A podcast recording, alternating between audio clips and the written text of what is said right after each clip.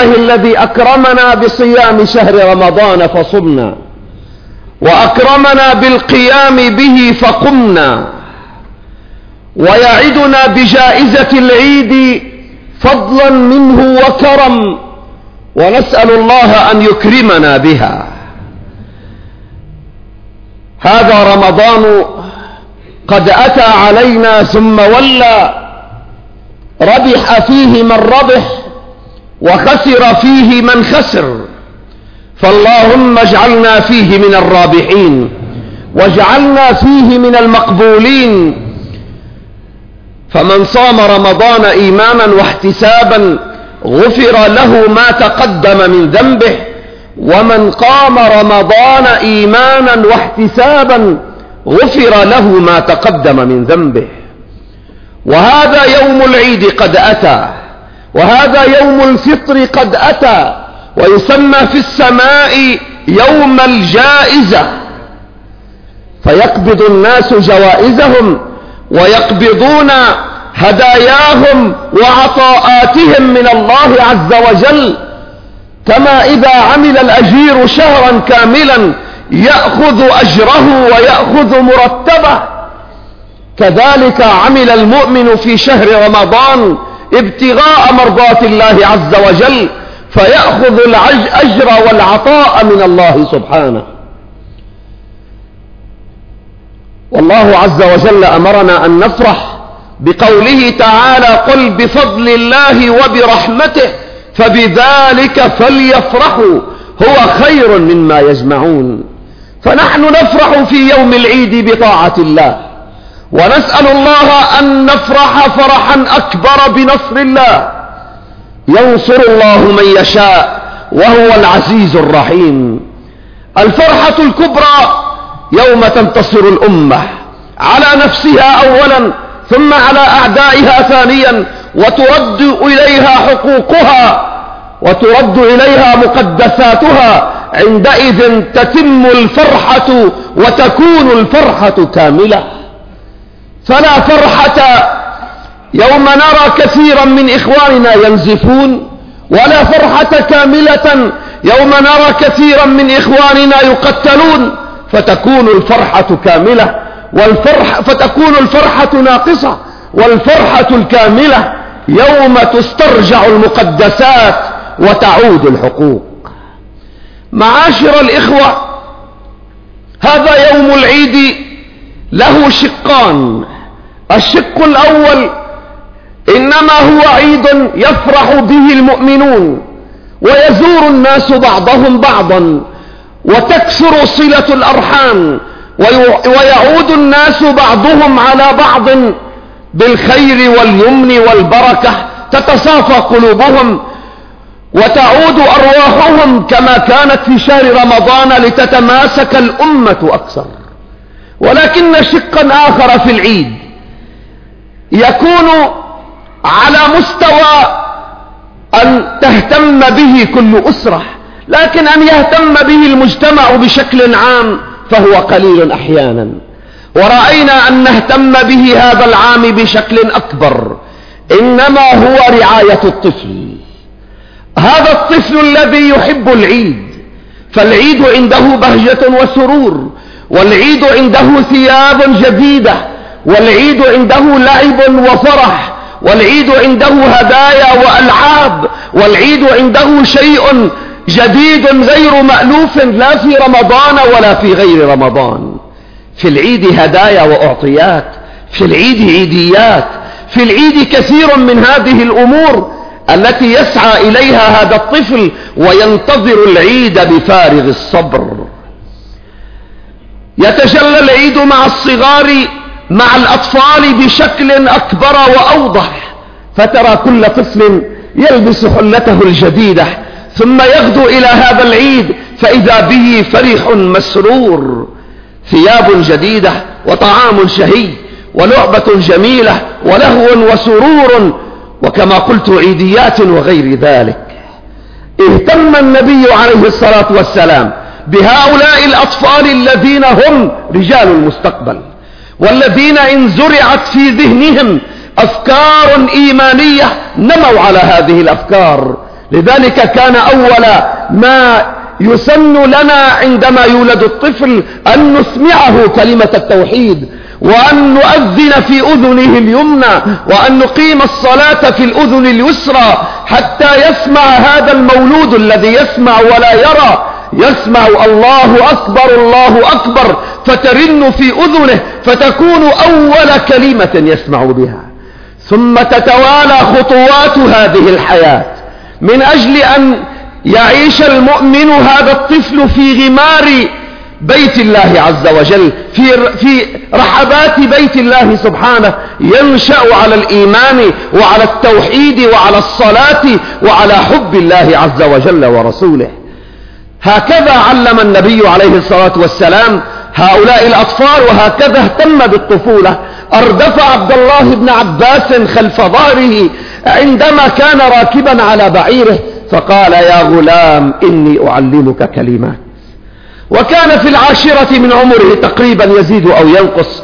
يا غلام إني أعلمك كلمات. احفظ الله يحفظ احفظ الله تجده تجاهك. إذا سألت فاسأل الله. وإذا استعنت فاستعن بالله. وكان هذا الكلام لغلام صغير لم يبلغ الحلم بعد.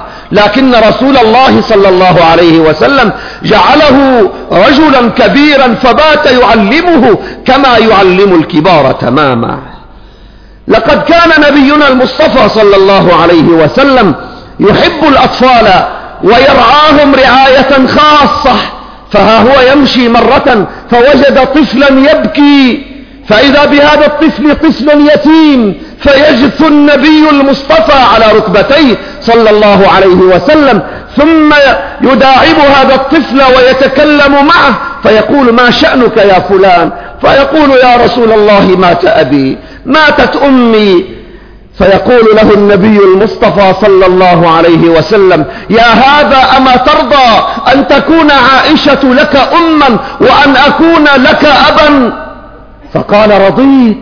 ثم ضحك الطفل وذهب إلى الأطفال فقال إن رسول الله أصبح أبي.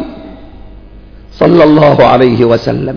ويمسح النبي المصطفى على على رأس هذا الطفل مسحة النبي الرحيم على طفل يتيم. يا معاشر السادة اهتم النبي بهؤلاء الأطفال. كان عليه الصلاة والسلام ينظم سباقا بين عبد الله وعبيد الله وكثير أبناء العباس ينظم بينهم سباقا. ثم يكون يكونون في مكان فيقول من يسبق إلي فله كذا وكذا ويعطيهم هدايا وجوائز. ثم يقبل هؤلاء الأطفال عليه فيقبلهم ويقبلونه ويركبون على ظهره وهم صغار. كان الحسن والحسين سبطا رسول الله صلى الله عليه وسلم يركبان على ظهر النبي صلى الله عليه وسلم وهو ساجد فيتركهما على ذلك. ثم ينهي صلاته فيقول نعم الجمل جملكما ونعم العدلان أنتما. صلى الله عليك يا سيدي يا رسول الله. يا من كان الحبشة يلعبون في المسجد فإذا بالسيدة عائشة تحب أن تنظر إلى هؤلاء الغلمان الذين يلعبون بحرابهم فيرفعها النبي صلى الله عليه وسلم على عاتقه من أجل أن ترى الغلمان وهم يلعبون في المسجد. فعندما يأتي الطفل إلى المسجد ليصلي العيد ويأتي ليسمع كلام الله عز وجل ثم يرى في المسجد كل شيء يحبه. أقبل هذا الطفل على المسجد وأحب المسجد وأحب من خلال ذلك كتاب الله عز وجل وأحب أن يكون هذا الإنسان مؤمنا صالحا تقيا. قال النبي عليه الصلاة والسلام يحضر العرائس الصغار. عروس صغيرة يعني.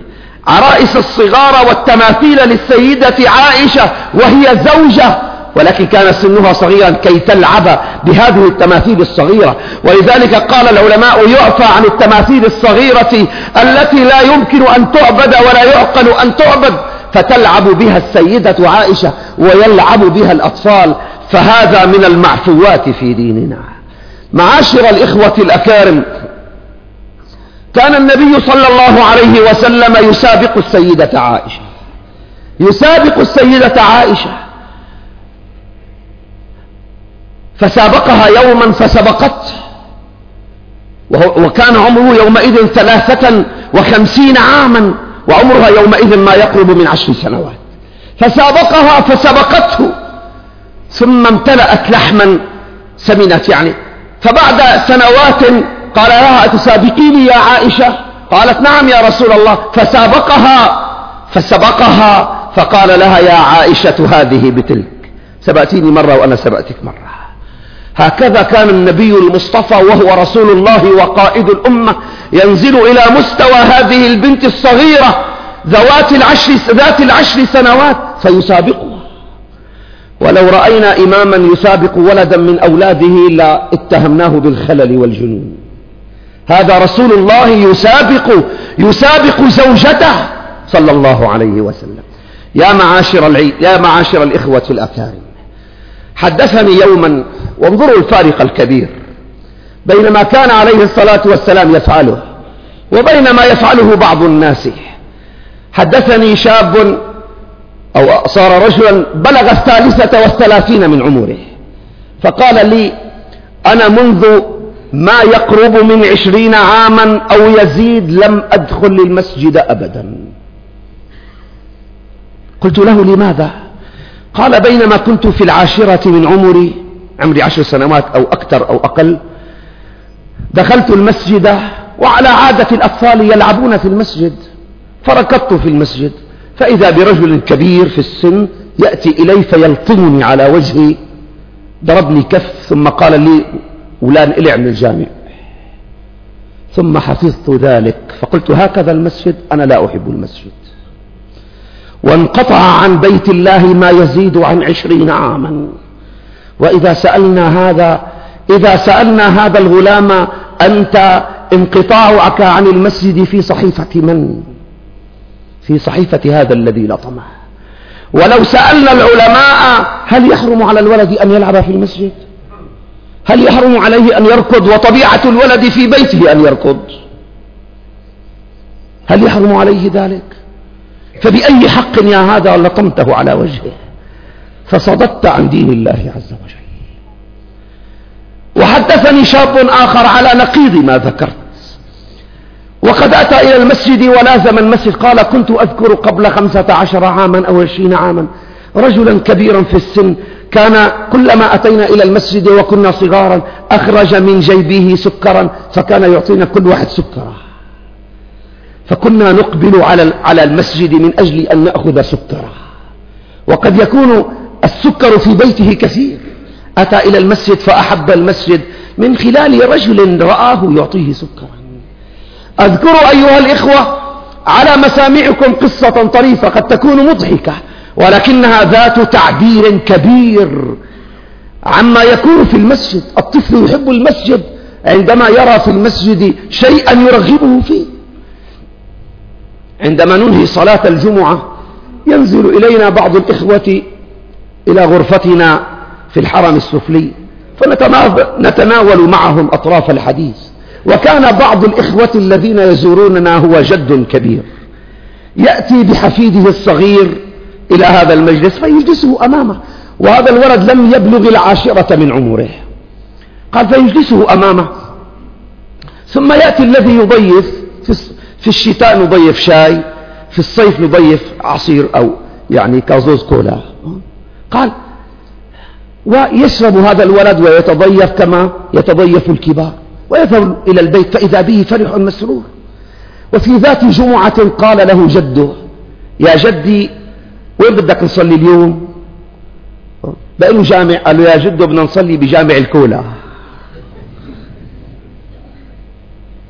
بدنا نصلي بجامع الكولا.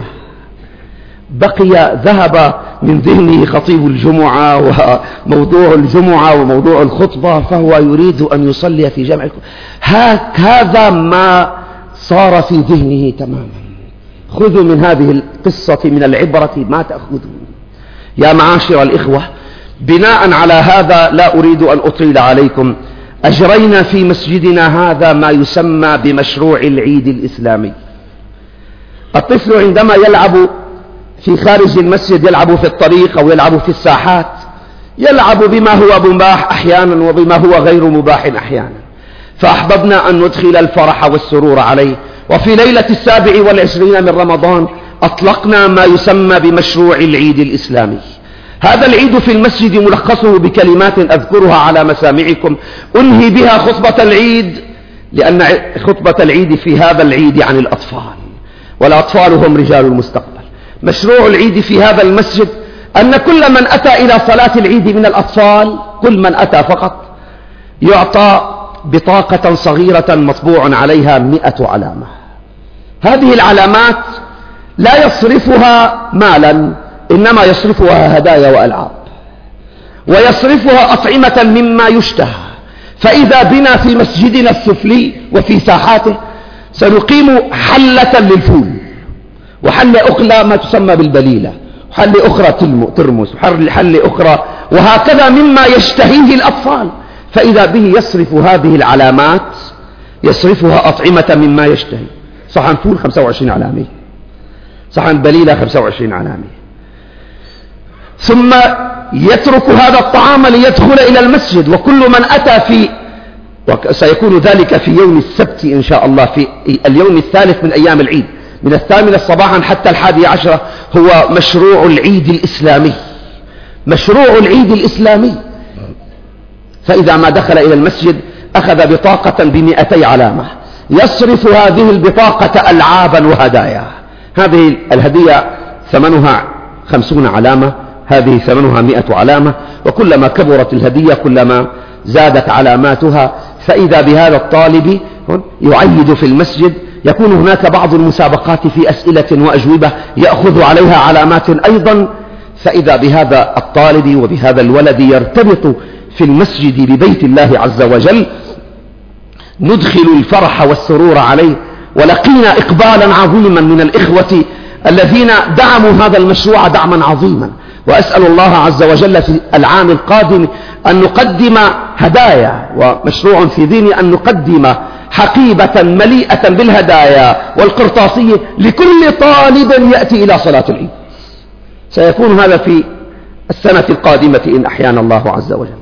يا معشر الإخوة إذا ارتبط هذا الطالب هذا الولد في المسجد فرح فيه أحب المسجد ارتبط ذهنه بهذا المسجد أحب المسجد. كم من هؤلاء الأولاد من يدخل الفرح والسرور عليهم؟ كم فيهم من يتيم ندخل الفرح والسرور عليه؟ فنسأل الله سبحانه وتعالى أن يوفقنا لما يحب ويرضى. قل بفضل الله وبرحمته فبذلك فليفرحوا. هو خير مما يجمعون. في هذا القدر الكفاية عن الأطفال في العيد اللهم اجعلنا من الذين يستمعون القول فيتبعون أحسنه. أقول قولي هذا وأستغفر الله.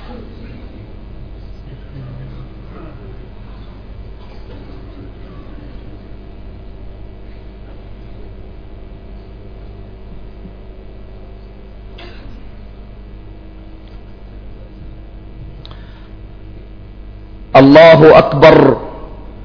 الله أكبر. الله أكبر الله أكبر الله أكبر الله أكبر الله أكبر الله أكبر كبيرا والحمد لله كثيرا وسبحان الله وبحمده بكرة وأصيلا. لا إله إلا الله وحده صدق وعده ونصر عبده وأعز جنده وهزم الأحزاب وحده لا شيء قبله ولا شيء بعده.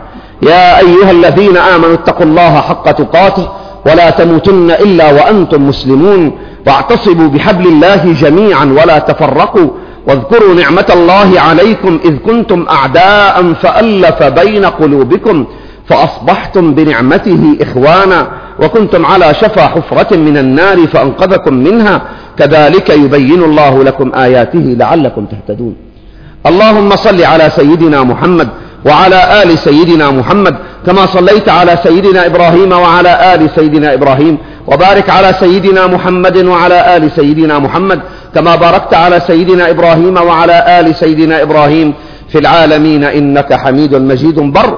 وارض اللهم عن الأربعة الخلفاء والسادة الحنفاء ساداتنا أبي بكر وعمر وعثمان وعلي. وارض اللهم عن خديجة الكبرى وعن فاطمة الزهراء وعن الحسن والحسين سبطي رسول الله صلى الله عليه وسلم وعن جميع صحابة رسول الله وزوجاته والتابعين ومن تبعهم بإحسان إلى يوم الدين. معاشر الإخوة والأحبة في صباح العيد في صباح العيد سيكون هناك أكثر من بضع عشرة جمعية خيرية وفدت إلينا من أجل أن نؤازرها على رعاية الفقراء والمساكين والأرامل والأيتام ممن تشرف عليهم هذه الجمعيات فآزروها وساعدوها. جزاكم الله عنا كل خير. وما أنفقتم من شيء في سبيل الله فهو يخلفه وهو خير الرازقين. ونسألك اللهم أن تعيننا في هذا العيد على طاعتك وأن تثبتنا على ما جنيناه في شهر رمضان من طاعات. وأرغب إلى كل واحد منكم قبل الدعاء. قبل الدعاء أرغب إلى كل واحد منكم وأذكره بأن لا يخرج من المسجد إلا بأن يسلم على أكبر قدر ممكن من إخوانه. فيكون في ذلك تواصلا بين أبناء المسجد الواحد والإخوة في المسجد الواحد. وإذا تصافح المؤمنان تحاتت ذنوبهما كما يتحات ورق الشجر في الخريف. اللهم وفقنا لما تحبه وترضاه. من القول والفعل والعمل يا رب العالمين. اللهم اغفر للمؤمنين والمؤمنات والمسلمين والمسلمات الأحياء منهم والأموات. إنك يا مولانا سميع قريب مجيب الدعوات. نسألك اللهم إيمانا دائما وقلبا خاشعا ولسانا ذاكرا وعملا متقبلا وشفاء من كل داء يا رب العالمين. اللهم مغفرتك أوسع من ذنوبنا ورحمتك أرجى عندنا من أعمالنا. أمرتنا فتركنا ونهيتنا فارتكبنا ولا يسعنا إلا عفوك فاعف عنا. اللهم وحد كلمة أمة المسلمين. اللهم وحد كلمتنا على الهدى والتقوى. اللهم أعد علينا العيد القادم ونحن في أتم الفرح والسرور.